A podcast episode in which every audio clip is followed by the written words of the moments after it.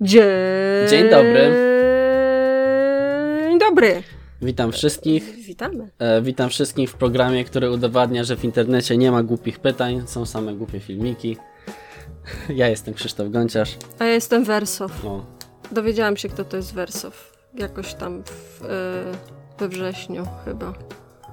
Bo jestem taka stara, niestety. Starzenie się jest straszne. Jeśli jesteście młodsi od nas i słuchacie tego, to błagam, nie uważajcie, że bycie starym jest fajne, bo bycie starym jest straszne. myślę, że bycie młodym jest jeszcze Nie, gorsze. bycie starym jest zawsze gorsze. Jak jesteś młody, to jesteś debilem, więc nawet nie wiesz, jak bardzo masz przejebane, a potem już wiesz i dalej masz przejebane, więc... No, jak jesteś młody, to też masz zniżki na rzeczy, więc też jest to okej. A rzeczywiście, w sumie z jednej strony Alzheimer, Ale masz mniej z pieniędzy. jednej strony więc... Alzheimer, z drugiej strony mam zniżkę na autobus. Mm, trudne. E...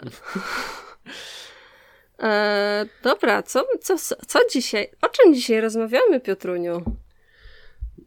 Dzisiaj sobie porozmawiamy o y, czytaniu.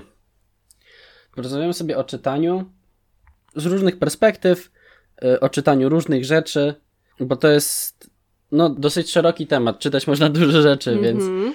em, Czytać każdy może. czytałem ostatnio. To był e, raport e, Biblioteki Narodowej na temat czytelnictwa w Polsce.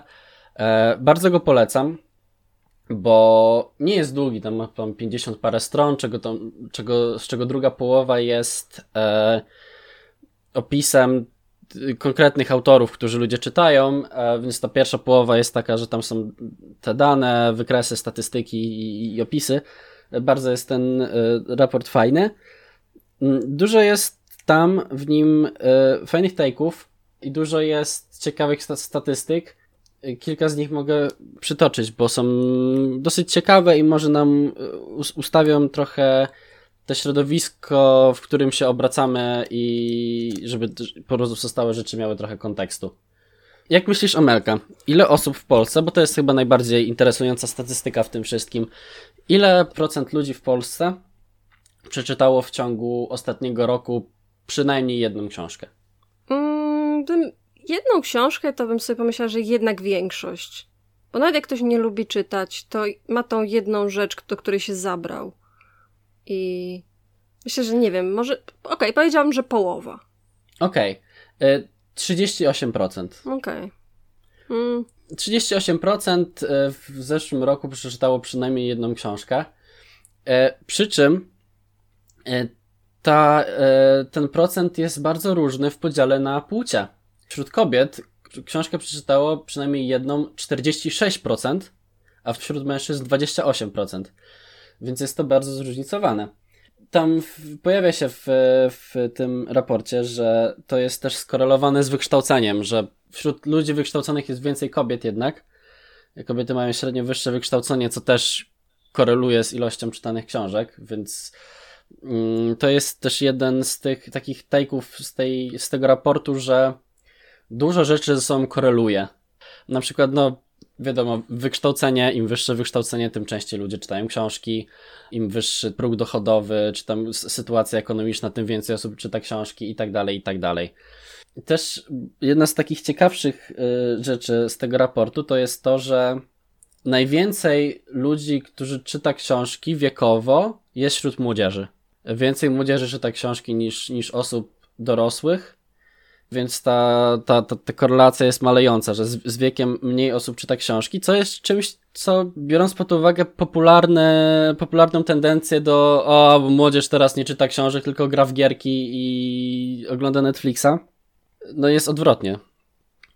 Wiadomo, że w dużej mierze to są książki typu lektury szkolne i tak dalej, ale n- nie mniej czytają te książki. Nawet jeżeli to jest lektura, to Jestem ciekawa, co się dzieje po, po, po 18 roku życia, że nadal jesteś powiedzmy tą starszą młodzieżą, powiedzmy, że jesteś studentem, ale jeszcze nie jesteś stary, jakby, bo to jest ten moment, że już nie czytasz za bardzo lektur, chyba, że nie wiem, studiujesz filologię, e, tylko po prostu czytasz to, co chcesz czytać, a jesteś, a jesteś dalej tam klasyfikowany jako młodzież. Kurczę, nie wiem, mogę powiedzieć z perspektywy mojej, tylko że moja perspektywa jest taka, że ja studiowałem. E, więc z tej perspektywy jest tak, że mm. jak idziesz na studia, to na studiach się dużo czyta, przynajmniej na naszych studiach się dużo czytało, tylko że no to były artykuły, to były jakieś fragmenty, wycinki, eseje, jakieś mm -hmm. krótkie dzieła, więc trochę było tak, że czy, czytało się na, te, na, na zajęcia e, rzeczy i później no, masz pewien limit rzeczy, które możesz przeczytać w ciągu dnia, czy tam w ciągu tygodnia. Masz pewien taki ogranicznik e, wydajności mózgu, że jak musisz czytać dużo na, na, na zajęcia na studiach, to ja na przykład bardzo mało czytałem e, rzeczy dodatkowych na studiach. Wiadomo, że to, to nie było zero, ale jak czułem, że przeczytałem już, wiesz, 10 artykułów na zajęcia z jakiejś filozofii albo z psychologii, no to już byłem out. Już więcej nie byłem, nie byłem w stanie wciągnąć. Mhm. Zwłaszcza, że to były też dosyć takie ciężkie, poznawczo rzeczy. Ale to jest, wiadomo, to jest przykład anegdotyczny, więc nie wiem, jak to wygląda w szerszym tym. Natomiast jeżeli chodzi o, o, o tą tendencję z wiekiem, no to ona jest spadkowa, więc zakładam, że więcej osób 18-25 czyta, mhm. aniżeli 50 coś. No, więc to jest jeden z tych take'ów. Druga rzecz jest taka, że e, to, co mówiłem, dużo rzeczy są koreluje. Jest tam taki podrozdział w tym raporcie o, o audiobookach, o podcastach i tak dalej. To też jest tak, że osoby, które słuchają podcasty, to też zwykle czytają książki. Tak samo z audiobookami, że nie jest tak, że albo słuchasz audiobooków, albo czytasz książki, tylko tak, że te wszystkie rzeczy są korelują. I też, też te rzeczy korelują, wiadomo, z wykształceniem, z, z zarobkami i tak dalej. Te rzeczy nie są wyłączne, że albo słuchasz audiobooków, albo czytasz książki, tylko albo przyjmujesz kulturę, albo przyjmujesz mniej. O, co też było ciekawe, taka jedna statystyka się pojawiła w tym raporcie. Jak myślisz, ile osób ma w domu książki? Przynajmniej jedną książkę. Przynajmniej jedną? Przynajmniej jedną książkę w domu. Yy, no też bym powiedziała, że co, przynajmniej jedną, no chociaż jakąś, kurde, książkę kucharską, jakąś sposoby siostry Anastazji na zdrowe jelita, jakieś takie, wiesz, coś w tym stylu. No, kto, no kurde, większość, no nie wiem. No. Tak, no jest większość, ale jedna trzecia ludzi nie ma ani jednej książki w domu. Wow. Mm, ciekawe. Ten raport trochę porównywał, jak się, jak się zmieniało czytelnictwo w Polsce podczas pandemii. To jest dosyć ciekawe. Jak była, był początek pandemii, 2020 rok, to y, czytelnictwo w Polsce się podniosło o kilka punktów procentowych. Mm, wiadomo, ludzie siedzieli w domu, nie mieli co robić i więc czytali książki.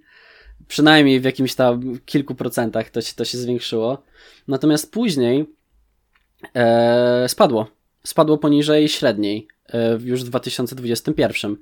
I z tego, co czytałem, to też dużo się pojawiło w tym czasie, tym 2021 roku i ogólnie w czasie pandemii, dużo takich artykułów, postów, tweetów w stylu bardzo lubię czytać i dużo czytałem w życiu, i a teraz nie jestem w stanie przeczytać ani jednej książki. I dużo się w czasie pandemii pojawiło takich, takich, takich treści. I wywiadów z, z neurologami, z neuronaukowcami i z różnymi psychologami, mhm. diagnoza była taka, że ludzie są po prostu zestresowani, y, bo wiadomo, jak jest światowa pandemia, jest kryzys, ludzie są zestresowani, no i nie są w stanie czytać.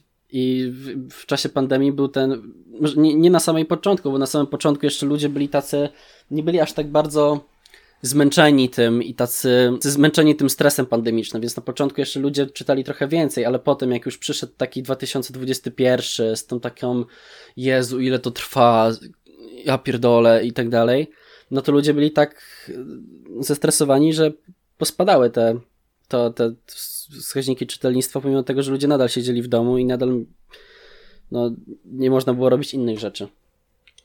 Co jeszcze było takich ciekawych z tego, z tego raportu? Też w tym raporcie było coś takiego bardzo ciekawego na samym początku. W jaki sposób e, Polacy preferują spędzać czas w weekendy, w, w swój wolny czas, a jak realnie spędzają ten czas. Więcej ludzi deklarowało, że chciałoby spędzać ten czas aktywnie, że e, preferuje spędzać na dworze, preferuje jakieś tam wycieczki i tak dalej, i tak dalej. Natomiast realny sposób spędzania czasu był taki, że 41% badanych y, tylko odpoczywało biernie w, w weekendy, mhm. w, w czasie wolnym, czyli no leżenie, oglądanie Netflixa i tak dalej, bez takiego aktywnego odpoczynku. Pomimo tego, że ludzie generalnie deklarowali, że, chcieli, że preferują w ten sposób taki bardziej aktywny spędzania czasu. Wydźwięk tej, tej części w tym raporcie był taki, że dużo ludzi nie czyta, bo jest po prostu przemęczonych. I dużo ludzi nie spędza tego czasu aktywnie, bo są po prostu przemęczeni. Co jest taką rzeczą, wydaje mi się, trochę oczywistą, ale taką, o której może czasami zapominamy, że żeby robić ciekawe rzeczy w wolnym czasie, musimy nie być wyczerpani pracą. Kiedyś pracowałem nad morzem w gastro w wakacje, jak byłem młodszy mhm. i trzaskaliśmy po 12 godzin fizycznej pracy. To po 12 godzinach fizycznej pracy już serio nie masz, nie jesteś w stanie przyjmować żadnej kultury wyższej niż na ratunek 112. Mhm. Więc no, jest to trochę smutne, ale też daje jakieś rozwiązanie, że żeby Polacy przyjmowali więcej, i konsumowali więcej kultury, czytali książek, chodzili do kina i tak dalej, nie, nie mogą być wykończeni i wycieńczeni pracą. Mhm. Ale też jakby jedną rzecz, którą bym w sumie tutaj dodała, to jest tak, zmęczenie pracą to jest jeden czynnik, ale też takie poznawcze zmęczenie tymi wszystkimi mediami, które walczą o Twoją uwagę. Bo właśnie ostatnio oglądałam jakiś taki wywiad z Bob Burnhamem, który powiedział bardzo ciekawą rzecz, że jakby ludzki czas, ludzka energia, ludzkie zainteresowanie, ludzka uwaga to jest taki nowy rynek zbytu, który jest kolonizowany po tym, jak skolonizowano całą Ziemię. Na początku było tak, że kolonizowałeś świat, bo nie był do końca odkryty, a teraz zaczyna się ten moment, że ludzie mają coraz więcej czasu też, o, okazuje się, że jest więcej rynków zbytów w ludzkim czasie niż, się, niż wcześniej myśleliśmy. I nagle się okazuje, że może nawet nie jesteś zmęczony pracą. No powiedzmy, że jesteś studentem, który tylko studiuje. No nie, nie, nie jest tak, że jesteś z, super harujesz czy coś takiego. Masz ten wolny czas. Ale na przykład od rana do wieczora jesteś, nie wiem, na TikToku, na YouTubie, o, przy, przywija ci się przed oczami tyle informacji, że jesteś poznawczo zmęczony, mimo że w sumie nie, nie wiesz, czym jesteś zmęczony. Wiem, że ja na przykład mam ten problem, że yy, okej, okay, może nie jestem pracocholiczką i nie mam jakoś, wiesz, super nadgodzin w pracy czy coś takiego, ale jestem strasznie zmęczona po samym fakcie, że jestem w pracy, w której e, coś tam się dzieje. Przed pracą jestem na, na telefonie, po pracy jestem na telefonie i to już mi sam, samo to mi dodaje tyle takiego, wiesz, zmęczenia oczu, zmęczenia mózgu, takiego Okej, okay, już że, że, czuję, że o, okej, okay, usłyszałam dzisiaj pięć ciekawych faktów z TikToka, no że ja, nie, ja akurat nie, nie, korzystam z TikToka, ale powiedzmy cie, pięć ciekawych faktów z Twittera. Okej, okay, pora na CS-a, nie będę nic dzisiaj czytać. No takie... To też powoduje oprócz takiego zmęczenia poznawczego i tych wszystkich rozproszeń uwagi i tak dalej, i tak dalej, taki okłamywanie samego siebie, że się odpoczywa. Mhm. To jest, wydaje mi się, takie problematyczne w tym, bo często myślimy o, o, poskroluję sobie social media jako formę odpoczynku, jako formę przerwy od czegoś. Mhm. Wiesz, że o tutaj pracuję ciężko na komputerze i tak dalej, to w ramach przerwy poskroluję sobie social media. Tylko problem jest taki, że nie dajesz ani jednej części odpoczywać y, twojego ciała, która nie pracowała wcześniej. Oczy nadal trzaskają taski, mhm.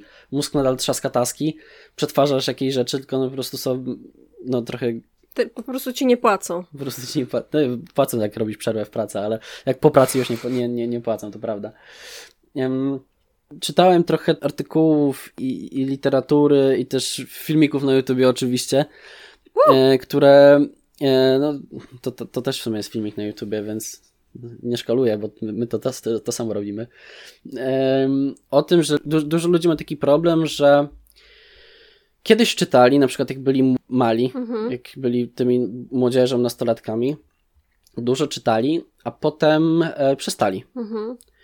Z tych wszystkich artykułów i mediów trochę wynikało, że to nie jest taki bardzo mały problem, tylko taki no nie ogromny, nie dotyczy to większości społeczeństwa, ale takiego, że są ludzie, którzy tak mają, którzy, którzy mają problem. Też mi się wydaje, że to są ludzie, którzy z tej trochę takiej naszej bańki, nie? Czyli e, ludzie, którzy kiedyś coś tam czytali, no bo chodzili do szkoły, czytali tam lektury, czy tam inne rzeczy, nie wiem, yy, czytali Harry'ego Pottera i tak dalej, i tak dalej. Eragona, mm. Władcy Pierścieni, czy tam inne rzeczy. I nagle się skończyli edukację, mija trochę czasu, mija tam, nie wiem, 5-10 lat i nagle yy, nie czytają. Dużo osób było takie halo, halo, halo. Przecież czytałem cały czas i nagle przestałem i nie za bardzo wiem, jak wrócić do tego. Mhm. Mm. Jestem ciekawa, jak bardzo to jest taka ogólna tendencja ludzi właśnie związana z pracą, jakimiś tam zmianami życiowymi, takimi naturalnymi zmianami w życiu człowieka, że najpierw jesteś bachorem, a potem masz coraz więcej, coraz bardziej masz przejebane generalnie. E, tak jak, jak, już, jak już dzisiaj wspomnieliśmy. E, ale też wydaje mi się, że jesteśmy w bardzo, bardzo konkretnym i bardzo precyzyjnym momencie historycznym. Żyjemy w pewnej epoce, w której jak byliśmy dziećmi, to po prostu nie mieliśmy wielu tych social mediów, YouTube'a, albo on był, ale nie był tak rozwinięty. Jakby jak ja byłam w Gimbie, to owszem, był, był YouTube, tak? Już istniał on, ale to nie było tak, że było tyle, że można było tyle wybierać. Każdy miał po prostu swoją, swoją dziurę, w której mógł się zakopać na tysiąc lat i tylko te filmiki oglądać. I każda, I każda dziura była spersonalizowana, była w kształcie tej osoby, która ma się do niej schować. Tylko e, było tak, że nie wiem, pamiętam, że jak ja czytałam rzeczywiście więcej czytałam, jak byłam tam wcze wczesną nastolatką, to po prostu było dlatego, że nic innego nie miałam do roboty. Jakby. No, też prawda. To... A teraz mam coś innego do roboty, mam alternatywę, nie muszę czytać książek, mam inne opcje, dlatego patrzę, jak, jak mam do wyboru opcję, która mi e, miga kolorkami i robi uu, uu, uu, a opcję, która tego nie robi, to mój mózg wybiera bardzo jasno, którą opcję woli. To jest ta opcja, która wygląda jak tańczący clown z piłą. No tak, jesteśmy w tym momencie, w którym wszystko prosi o naszą uwagę i tak dalej. Książki są no generalnie całkiem nieświecące, nie, nie są ujebane brokatem i są wolne, są e, takie, że musisz najpierw znaleźć czas na to, e, żeby coś przeczytać. Musisz mieć energię, żeby to przeczytać taką fizyczną i mentalną. Nie możesz być, nie wiem, jakiś super śpiący, ale też nie możesz być super zmęczony poznawczo. Musisz mieć e, tą książkę fizycznie, albo nawet jak ona jest e, cyfrowo, no to nadal musisz ją mieć, czyli nie wiem, powiedzmy, musisz się nabyć drogą kupna lub ściągnięcia nielegalnie, mm. co jest też pewnym coś, co musisz zrobić wcześniej. Musisz ją fizycznie, musisz ją fizycznie nosić, albo nosić Kindla. Bo są tacy chorzy ludzie, którzy czytają całe książki na telefonach, ale uważam, że to po pierwsze nie ma ich wielu, a po drugie to nie jest specjalnie wygodne i samo w sobie jest jakimś tam problemem. Ciekawa jest ta kwestia e-booków, Kindlów i, i, i telefonu. Czy, czytałem takie ciekawe badania o tym, yy, jaki jest wpływ tego, na jakim nośniku czytasz coś, na to, jak przyswajasz wiedzę. I z, z tych badań wynikało, że największym problemem tych cyfrowych nośników e, danych jest problem z nawigacją. Jak masz książkę fizyczną, to trochę haptycznie czujesz, że ile jeszcze książki zostało. Mhm. Czujesz, że no, jesteś mniej więcej gdzieś w jednej czwartej jak czytasz, to też wiesz, y, gdzie jaka informacja była, w którym miejscu na stronie. Mhm. Więc jeżeli to jest na przykład podręcznik do czegoś, albo jakiś wydrukowany chociaż artykuł i potrzebujesz wrócić do jakiejś informacji, to jesteś w stanie to łatwo zrobić, bo pamiętasz intuicyjnie, gdzie coś było w, w, w, w tym fizycznym medium. A w w tych, w tych mediach cyfrowych jest taki problem, że każda strona wygląda tak samo. Nawet nie masz podziałki na lewą, prawą. E, o ile to nie jest zeskanowany PDF jakiejś książki, tylko masz normalnego jakieś tam Mobi czy, czy EPUB czy coś takiego, no to jest, jest problem z tą na nawigacją, że faktycznie mhm. czytasz rzeczy, ale jak masz wrócić do jakiejś informacji, musisz, nie wiem, znaleźć później, przywołać, to to jest duży problem. Mhm. Wydaje mi się, że to może nie być aż tak duży, tak wa ważka kwestia, o ile czytasz beletrystykę, bo nie musisz później wracać do jakiejś informacji, jak czytasz fabułę, ale jeżeli czytasz książki popularno-naukowe, jakieś publicystyczne, naukowe, to umiejętność przywoływania tych informacji jest ważna, więc e, to też się pojawiło notabene w tym, w tym raporcie, że 59% ludzi woli analogowe wersje książek, a 5% cyfrowe. Reszta jest nie, takie, że wyjebane. Natomiast wśród ludzi, którzy deklarują, że bar bardzo lubią czytać, 82% preferuje analogowe i nikt nie deklarował, że woli cyfrowe. Że jeżeli ktoś jest takim, wiecie, ty, takim book freakiem, mhm. że o kurde, czytam tyle książek, to i bardzo to lubię i, i tak dalej, i tak dalej. No to. Jest to główna trochę... część mojej osobowości. Tak, jest to główna część mojej osobowości, to tam nikt nie, nie, nie preferował e, cyfrowych nad, nad analogowymi. To jest ciekawe. Nie, ja, ja w ogóle coraz częściej obserwuję, bo jakby do mojego mojego case'u, to ja zaraz chciałam przejść do mojej historii życia z książkami, albo bez nich, e, ale też zauważyłam, że jakby mój mózg coraz częściej jakby, jak zaczynam czytać faktycznie jakąś książkę, to on jakby walczy, żeby już jej nie czytać. E, w sensie mam, mam taką potrzebę od, odkliknięcia gdzieś indziej, odkliknięcia z, od tej książki, mimo że to jest fizyczna książka i nie da się odkliknąć. To wiesz, na przykład otwieram książkę, nie, jest jakiś tam opis, że wszedł do kościoła świętego Floriana w Pcimiu. Ja sobie myślę, ale śmiesznie, świętego Floriana w Pcimiu. Ciekawe, czy taki jest naprawdę. No i googlam, czy jest taki kościół naprawdę. Położył się krzyżem. A kurde, cieka- w sobie ciekawe, że ludzie leżą krzyżem. Jestem ciekawa, czy od kiedy jakby się praktykuje coś takiego w katolicyzmie, nie? No i googlam, co, skąd się bierze leżenie krzyżem. E, zobaczył ministranta w białej komży. Kurde, jak jest komża po angielsku? I, i, i co nie? I komża to jest surplus. Wy, wygooglałam to, żebyście wy nie musieli. I, co nie? I jest tak, że czytam czytam, mam książkę w ręku przez godzinę i przeczytałam może ze trzy strony. Dowiedziałam się bardzo dużo, już wiem jak się nazywa parafia Pcimiu, tak naprawdę, i już wiem jak jest komrza po angielsku, ale nie przeczytałam za dużo. I tak, tak to generalnie u mnie działa e, zazwyczaj. Co jest spoko, jak czytam do researchu. Ja głównie właśnie jestem takim czytelnikiem, który czyta na wtorek, nie? Czytam na, czytam na wtorek, a jak zajęcia odwołane, to na następny wtorek.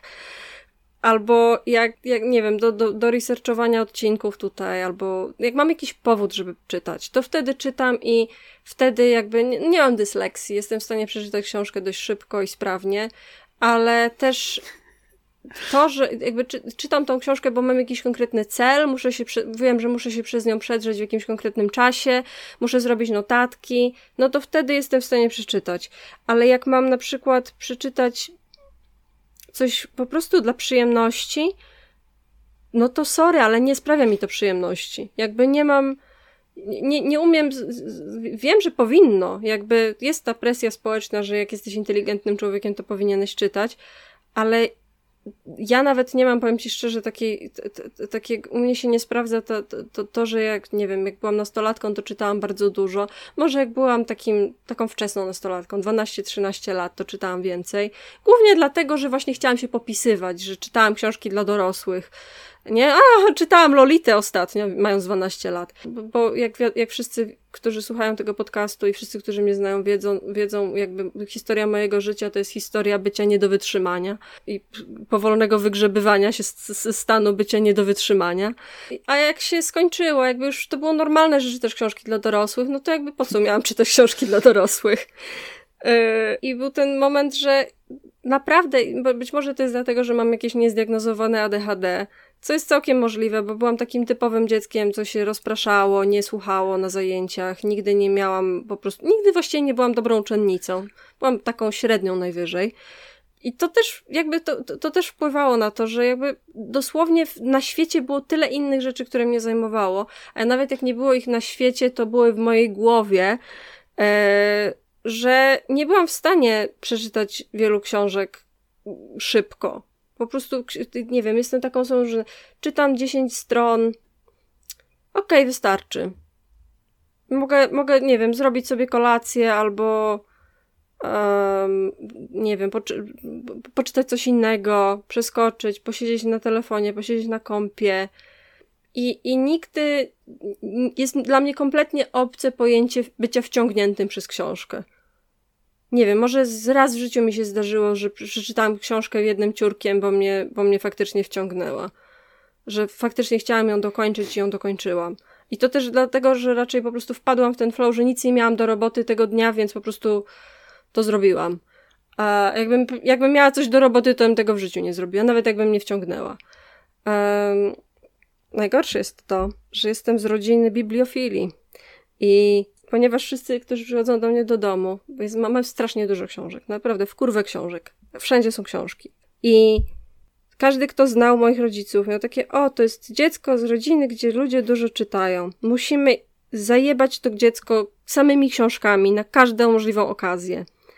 I miałam takie, kilka razy jak byłam dzieckiem, miałam taki, takie traumy dzieciństwa, nie, że chciałam jakieś zabawki, lalki, coś i dostawałam same książki, których nie chciałam w ogóle czytać.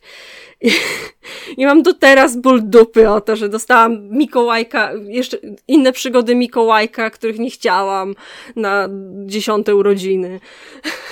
Ale też wydaje mi się trochę, że czytanie jest takim niekontrowersyjnym, kontrowersyjnym tematem, że ciężko jest polemizować z tym, że czytanie książek jest, to jest to, co się powinno robić.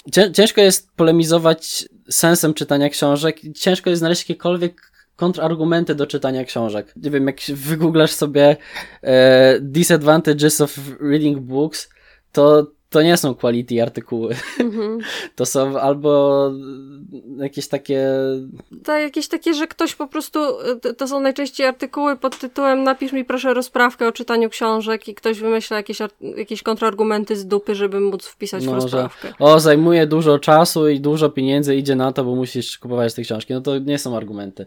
Więc ciężko znaleźć jakiekolwiek mm. argumenty przeciwko temu.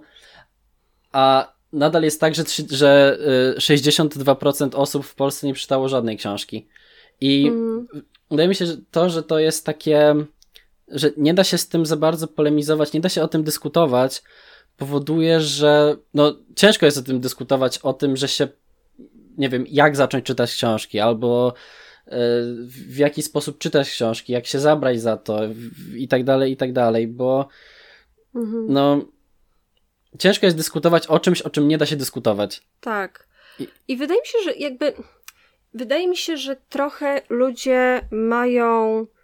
Um, słowo książka jest trochę za bardzo ogólne, żeby być w stanie faktycznie e, o nim rozmawiać. Bo na przykład ja nie, nie czytam beletrystyki, nie czytam długich form, ale za to opowiadanko bardzo chętnie. Wiersz? Super. Jakby jestem w stanie przeczytać dużo, nie wiem, wchodzę sobie na poetry.com i, i, i patrzę na cały zestaw wierszy jakiegoś tam poety, nie? I bo to jest jakby taka forma, która jest dla mojego mózgu optymalna, bo jest krótka i jest bardzo taka gęsta poznawczo, że jestem w stanie, wiesz, przeczytać jedną stronę i o niej myśleć przez dwa dni. I dlatego myślę, że jakby jak ludzie mówią o czytaniu książek, to chyba najczęściej mówią właśnie o czytaniu książek albo jakiś tam non-fiction, w których się dowiadujesz dużo rzeczy, albo o beletrystyce. A to nie są jedyne rodzaje czytania, jakie możesz uprawiać.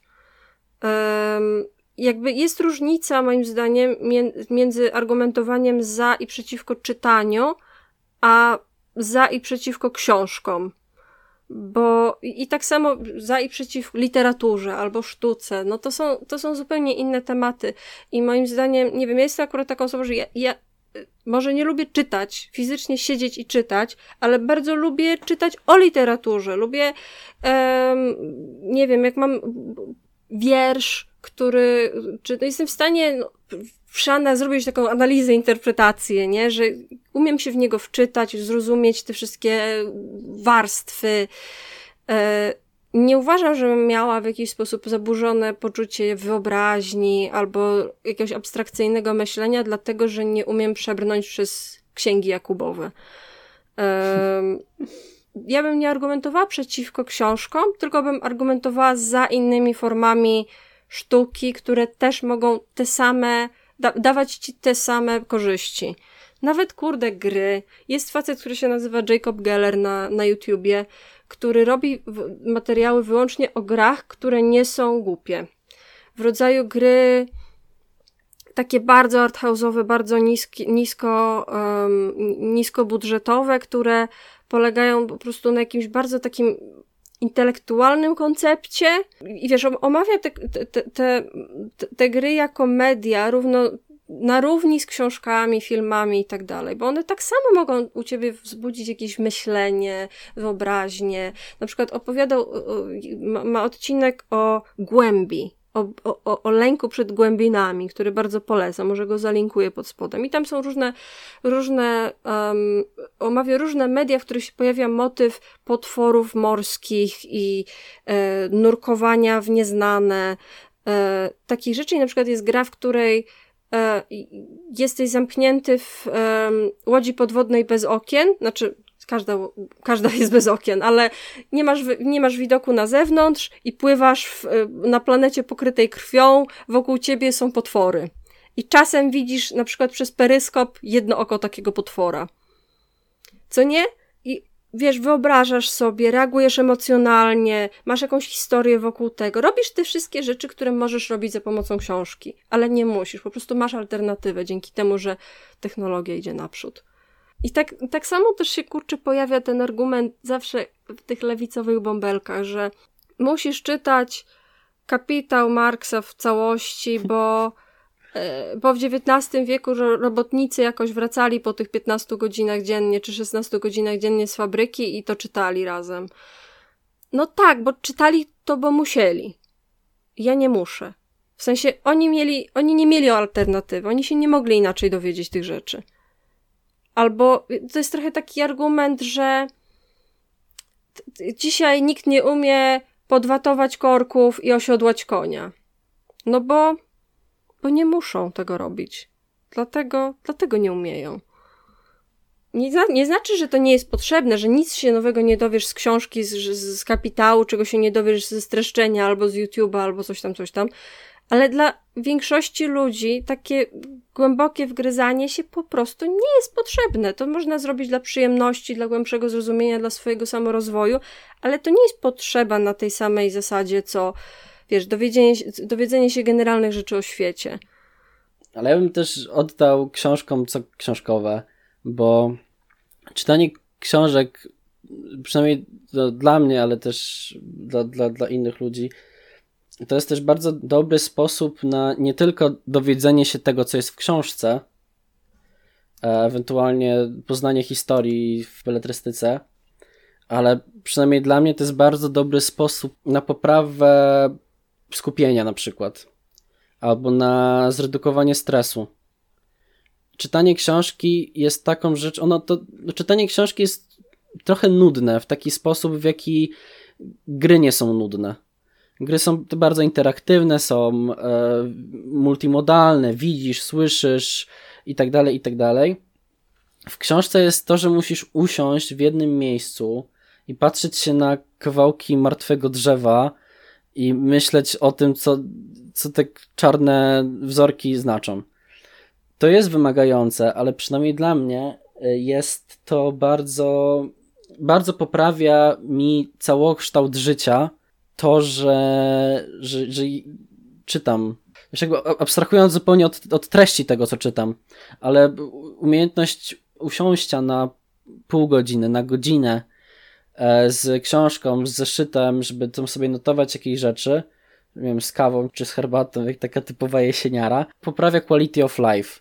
I tutaj nawet nie wchodzę na, na to, co jest w tej książce, tylko sam fakt tego, że jesteś w stanie się skupić i usiąść, bo, bo to też poprawia twoje skupienie. Są takie momenty, w których ja nie jestem w stanie się skupić na czytaniu książki, bo nie da się usiąść i czytać książkę po scrollowaniu dwie godziny e, social media, w której twój mózg jest taki rozbu rozbuzowany i potrzebuje energii, ale praktykowanie tego jest trochę jak praktykowanie medytacji, nie? Takie, nie wiem, mindfulness mhm. i tak dalej. Tylko, że tutaj jeszcze masz jakieś dodatkowe bonusy.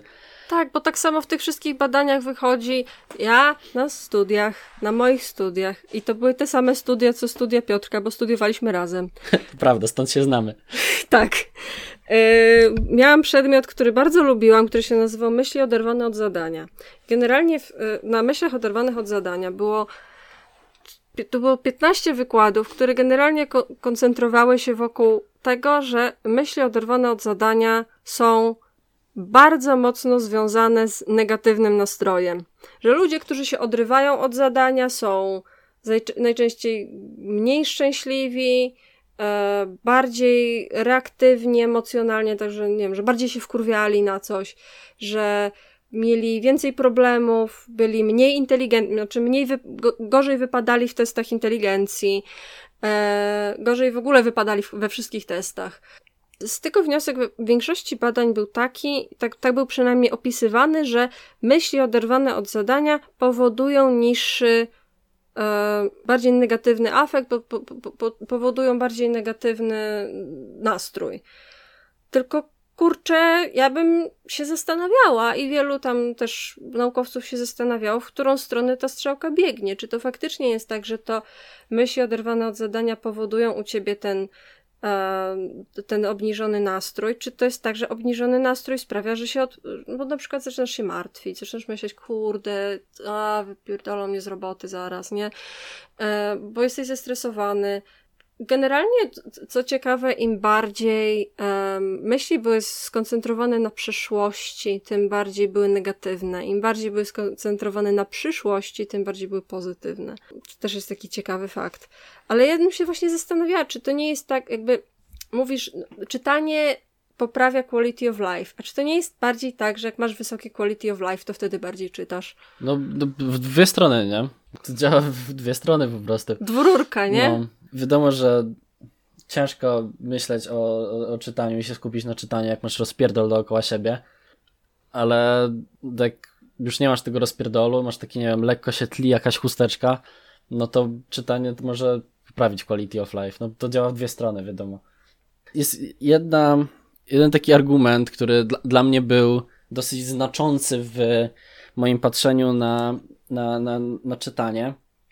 I to jest to, że jeżeli czytasz jedną książkę rocznie, zakładając, że masz 50 lat do końca życia plus minus, no to przeczytasz 50 książek.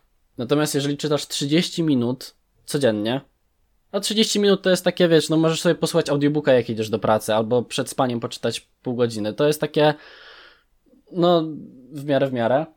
E, to wiesz, ile jesteś w stanie przeczytać książek w ciągu tych 50 lat? Hmm. 1500. Wow. A jaką, jakby, jaką brali pod uwagę średnią długość książki? No, około tam 300 stron. Mhm, okej. Okay. Spoko. 1500 to są takie plus minus, jeżeli czytasz bardzo wolno, no to to jest pewnie bliżej tysiąca, jeżeli czytasz szybko i nie wiem, może krótsze książki, no to to jest 2000. No, jak sobie myślisz o kimś, kto przeczytał 1500 książek, to to jest w chuj, nie? Nie, nie ma za bardzo co z tym dyskutować. E, więc od, od, kiedy, od kiedy się dowiedziałem, że tak jest, to, to się staram czytać te pół, pół godziny dziennie i zawsze jak mam takie, nie no nie chce mi się, to sobie myślę, kurwa, 1500 książek, ja pierdolę. Mhm. No, to te 30 minut może się prze, przeboleje. Ja ostatnio czytałam taki, yy, przysłuchałam czegoś o, o, tym, jak więcej czytać i ten był w sumie spoko patent, którego oczywiście nie wypróbowałam jeszcze, bo jestem głupia, ale bym chętnie wypróbowała. Możecie wy wypróbować i mi powiecie, jak, jak wam poszło, że po prostu czytasz kilka książek naraz. I wtedy masz, i wtedy masz zawsze opcję, nie? Że, że nie, jak ci się nie chce czytać, może, że może nie jest tak, że ci się nie chce czytać, tylko po prostu tej konkretnej rzeczy ci się nie chce czytać mhm. danego dnia. I zawsze sobie, jak masz pięć książek w rotacji, to zawsze sobie znajdziesz jedną, którą, na którą masz ochotę i możesz ją poczytać po prostu tego dnia. No, y, oglądałem taki wywiad z typem, który prowadzi takiego bloga Barking Up the Wrong Tree. Mhm. Te artykuły na tym, na tym blogu są takie typu, nie wiem, cztery rzeczy, które y, spowodują, że jesteś lepszym negocjatorem. Takie, z jednej strony takie clickbaitowe, ale typo robi tam zajebiście dobry research do tego. Mhm. To są takie clickbaitowe rzeczy, ale są poprzedzone solidnym takim researchem i, i źródłami. I typo właśnie mówił, bo on też tam czyta kosmicznie dużą ilość tych, tych, tych źródeł i artykułów i książek. On mówił, że po prostu czyta tak z pięć książek naraz, bo jak się zmęczysz jedną, to po prostu czytasz następną. I nie masz tak, że. Ja bardzo lubię sobie przekładać też rodzajami te książki. Że na, zawsze naraz czytam, no nie, nie, zawsze, ale często czytam tak, że mam jakąś non-fiction i fiction mhm. jednocześnie, bo książki naukowe albo jakieś takie no, non-fiction czasami są po prostu ciężkie w chuj. I czasami ciężko jest przeczytać więcej niż 50 stron albo nie wiem, 30 stron czegoś, co jest serio gęste poznawczo. Były takie dni, w których, wiecie, wciągnięcie 300-stronicowej książki o gwardii imperialnej w kosmosie, którzy tam walczą z kultystami chaosu, to po prostu no, jest, jestem w stanie to wciągnąć w jeden taki dłuższy wieczór ale przeczytanie książki naukowej, no to po 50 stronach jest, trzeba zrobić przerwę na, na, na jakiś mhm. czas. Fabuły się generalnie czyta szybciej i jest lepsze flow, jak czytasz fabułę. Jak ktoś ma problemy z czytaniem generalnie, to może nie zaczynać od Marksa, tylko od, nie wiem, od jakiejś fabułki takiej, która jest z jakiegoś mhm. opowiadania i, i, tak dalej. No i też, no i, i, i wiesz, jeszcze jak jesteś taką osobą jak ja, która, no nie oszukujmy się, nie za bardzo jakby ja, ja nie kupię sobie pięciu nowych książek, które mi się spodobają, bo będę miała takie na 100% nie przeczytam połowy z tego. Jakby może przeczytam jedną z nich. I potem będę musiała coś z nimi zrobić w domu i będą na mnie patrzeć te książki. Ja będę się coraz gorzej czuć, że ich jeszcze nie przeczytałam. Potem je schowam, żeby na mnie nie patrzyły i w ogóle będzie smutno i żałośnie, nie? I jakby Wiem, że teraz pewnie niektórzy z Was krzyczą: Biblioteki istnieją! Ale słuchajcie, czy Wy naprawdę spodziewacie się, że ja wstanę z mojego krzesła gamerskiego, wyjdę z piwnicy moich starych, pójdę w fizyczny świat, który gnije i pójdę do jakiegoś fizycznego miejsca w fizycznym świecie, wejdę w interakcję z drugim człowiekiem, żeby założyć sobie kartę, wyjmę portfel, żeby założyć sobie kartę i potem jeszcze będę pamiętać, żeby te książki oddać. Nie. Nie, nie wydarzy się to nigdy. No, no tak, taka prawda. Dlatego muszę od kolegów kraść książki. Też, też myślę, że jest taki problem, albo it's a thing, że ludzie trochę romantyzują czytanie książek jako, mhm. jako vibe, a nie jako chęć dowiedzenia się, co w nich jest czytanie książek to, to jest taki vibe, nie? Bycia książkarzem, książkarą, osobą książkolubną. Nosisz te grube tomy, to nie wiem, czytasz jakieś literki, kurwa, w głowie masz halucynacje, jak patrzysz na kawałki martwego drewna, no pojebana sprawa.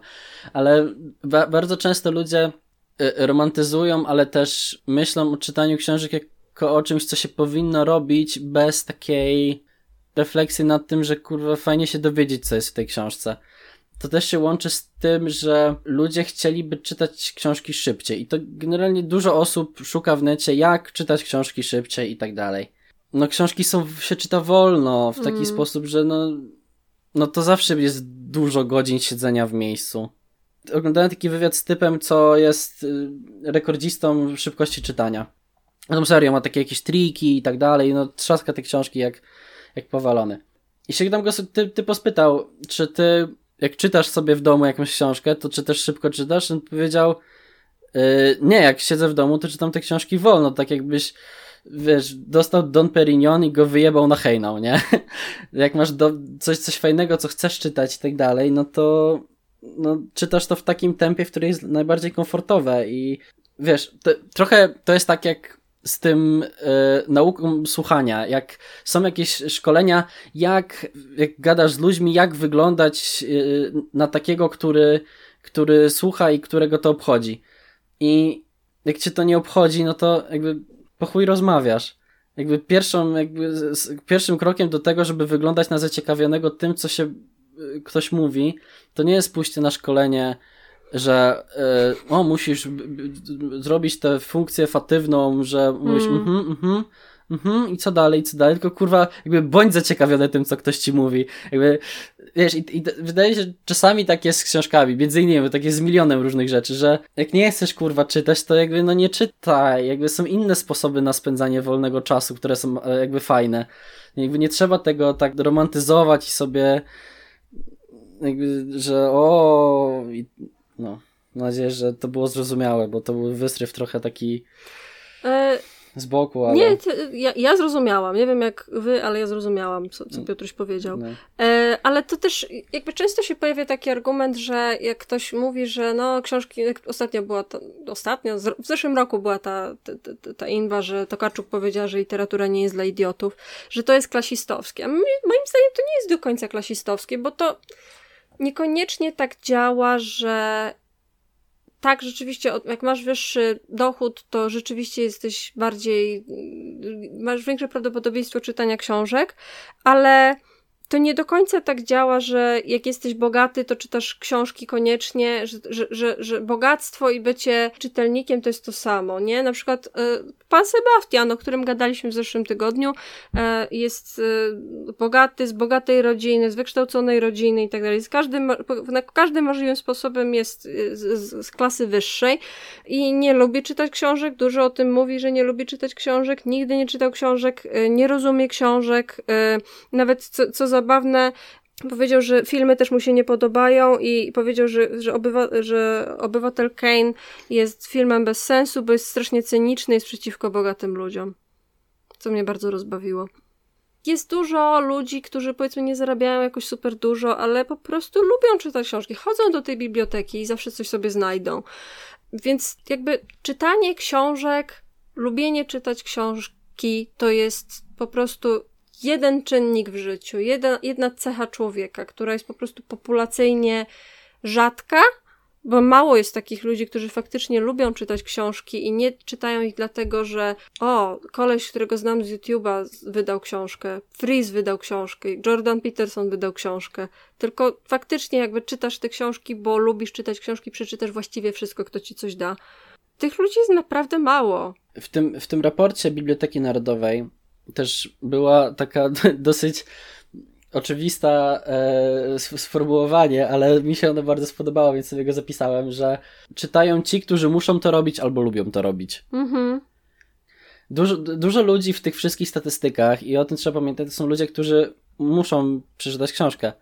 Bo to też nie jest tak, że każdy, kto czyta książki, lubi to robić. Dużo osób czyta, na przykład wśród młodzieży szkolnej, no bo muszą wiadomo, że są streszczenia i tak dalej, no ale czasami przeczytasz tę książkę, nawet jeżeli nie jesteś jakiś hiper, no to z tym zafascynowany, no to trzaśniesz tą, nie wiem, cierpienia młodego Wertera, no bo jak pracujesz w jakiejś branży takiej, jak pracujesz umysłową, to też raz na jakiś czas musisz przeczytać książkę branżową. I to też jest w tych wszystkich statystykach, więc to też trochę wpływa na tą korelację między wykształceniem zarobkami, sytuacją materialną, a, a czy, czytaniem, bo mhm. no jak masz też jakieś, nie wiem, wyższe wykształcenie, no to musisz czytać książki na przykład na zajęcia, nie? Mhm. Jak jesteś już na, nie wiem, magisterce czy na doktoracie, no to oczywiście, że musisz czytać rzeczy na, na TT. Jak jesteś, powiedzmy, nie wiem, pracujesz jakoś tam umysłowo, za, za czym też idą często wyższe, wyższe zarobki, no też musisz czytać literaturę branżową, więc my tutaj w tym odcinku dużo gadaliśmy o, o czytaniu z powodów lubienia czytania, ale też pamiętaj, że dużo osób czyta, bo musi. Tak, i są też tacy, którzy i muszą, i lubią, ale mhm. też jak, jak powiedzmy wybierzesz sobie zawód, w którym musisz dużo czytać, bo lubisz czytać, nie? Powiedzmy, że zostajesz krytykiem literackim, albo recenzentem, albo historykiem, albo kimś, no to jest taki moment, że jak to jest twoja praca, to już, jest, to już nie jest twoje hobby. To już, to już nie jest tylko rzecz, którą robisz, bo lubisz, tylko z, dostajesz też te chujowe książki, które musisz przeczytać, mm. żeby je zrecenzować. I nie chcesz ich czytać, ale ja pierdolę, czemu, czemu ja zostałem recenzentem, pytasz siebie. Nie? I, i, i wtedy już jesteś tą osobą, która musi, a nie lubi. E, więc może to jest bardziej tak, że ty, tą osobą, która się lubi albo musi, to się bywa, a nie jest. So fucking deep. A spytam cię jeszcze, Amelko, o jedną rzecz. E, co myślisz w kontekście książek o czytaniu teorii lewicowej. Wiesz, ja zaczęłam lewe papiery nagrywać, bo wiedziałam, że jak nie zacznę się publicznie ogłaszać jako osoba, która coś przeczytała, to nigdy w życiu nie przeczytam tych rzeczy. Jakby taka będzie prawda. Może manifest partii komunistycznej bym przeczytała, bo on ma 20 stron, ale zdobycie chleba? Kurwa nigdy. W sensie nie, że, nie żeby to była źle napisana książka, bo to jest całkiem spoko napisana książka i jak ktoś by chciał przeczytać na, po, po, albo posłuchać na lewych papierach, to, to polecam, bo jest naprawdę spoko, jest fajnie napisana. Ale ja bym jej po prostu nie przeczytała. Nie, albo bym po nią nie sięgnęła, albo bym jej nie dokończyła, gdybym nie, jej nie nagrała. Więc jakby sądzi, jasne, co ja sądzę o czy czytaniu czegokolwiek. Czytanie jest super. Jakby ja nie jestem przeciwna czytaniu, czy coś, że, że uważam, że, że spalić książki są niepotrzebne i tylko grajmy w gry komputerowe i oglądajmy Avengersów. Tylko jakby czytanie jest super, jest wartością dodaną. Po prostu uważam, że nie jest w tym momencie wartością konieczną, bo jest tyle opracowań pisanych po ludzku i tyle streszczeń, które są tak naprawdę kompletne. Jakby nie muszę, naprawdę nie wiem, czy ci wszyscy ludzie, którzy czytają te tysiące stron, tysiące akapitów u Marksa o produkcji lnu są lepszymi socjalistami i bardziej światłymi niż ci ludzie, którzy tego nie uczynili. O, super, teraz już wiem, ile potrzeba lnu na tysiąc palt. Fajnie. Ja myślę, że nikt nie został lewakiem, bo przeczytał Marksa. No. Marksa czytasz jak jesteś lewakiem, albo jak musisz, bo masz na zajęciach w, na studiach. Bardzo y, częste i błędne jest myślenie, i to, to często się pojawia w różnych inbach i tak dalej. Y, weź poczytaj Marksa, albo nie wiem, weź poczytaj Ad Adama Smitha, albo weź poczytaj, kurde, kogokolwiek. Jakby tak nie działa, że jak przeczytasz jakąś książkę, to zmieniasz poglądy akurat tak, że pod tą książkę. Nie jest tak, że jak jesteś e, nie wiem, libertarianinem i przeczytasz Marksa, to nagle jesteś lewakiem. I też nie jest tak, że jak jesteś e, lewakiem i poczytasz, nie wiem, Adama Smitha albo, nie wiem, Hayeka, to zmieniasz poglądy. Mhm. I bardzo często jest ten argument w różnych tych, o, radzę poczytać Marksa. No kurde, no nie jest tak. Tym bardziej, że jak tak mówisz, to praktycznie jakby dla mnie to, to sygnalizuje, że okej, okay, jeśli nie umiesz tego streścić, co, co Marx powiedział, to czy ty to w ogóle rozumiesz? No. Jeśli nie umiesz komuś wytłumaczyć po ludzku tych pointów, to czy ty w ogóle znasz te pointy? Jakby, czy ty czy przyswoiłeś to, czy tylko czytałeś, pomyślałeś, że fajne, a potem zapomniałeś? No. Wiadomo, że jest bardzo dużo dobrej literatury e, lewicowej, ale też myślę, że w pewien sposób lwia część non-fiction jest lewicowa. Nie w taki sposób, że jest, że nie wiem, wali ci jak wyzwolić uciemiężony lud, ale no nie wiem, jak czytasz jakąś, yy, czytasz e, reportaż o migracji, no to ciężko jest czytać na przykład o migracjach albo o zmaganiu jakichś tam mniejszości etnicznych gdzieś tam. Bez e, takiego bez osadzenia tego w kontekście, że kurde, te migracje są dlatego, że imperializm brytyjski, francuski narysował granicę i jest teraz inba. Jakby bardzo dużo tych takich ogólnie non-fiction sprowadza się do tego, że do tego, że problemem bardzo często jest ta, ten sam, że antagonista to jest dziki kapitalizm, imperializm i tak dalej. Czy to jest czytanie filozofii Foucault, czy to jest czytanie reportaży o o nie wiem, o domach dziecka w Polsce.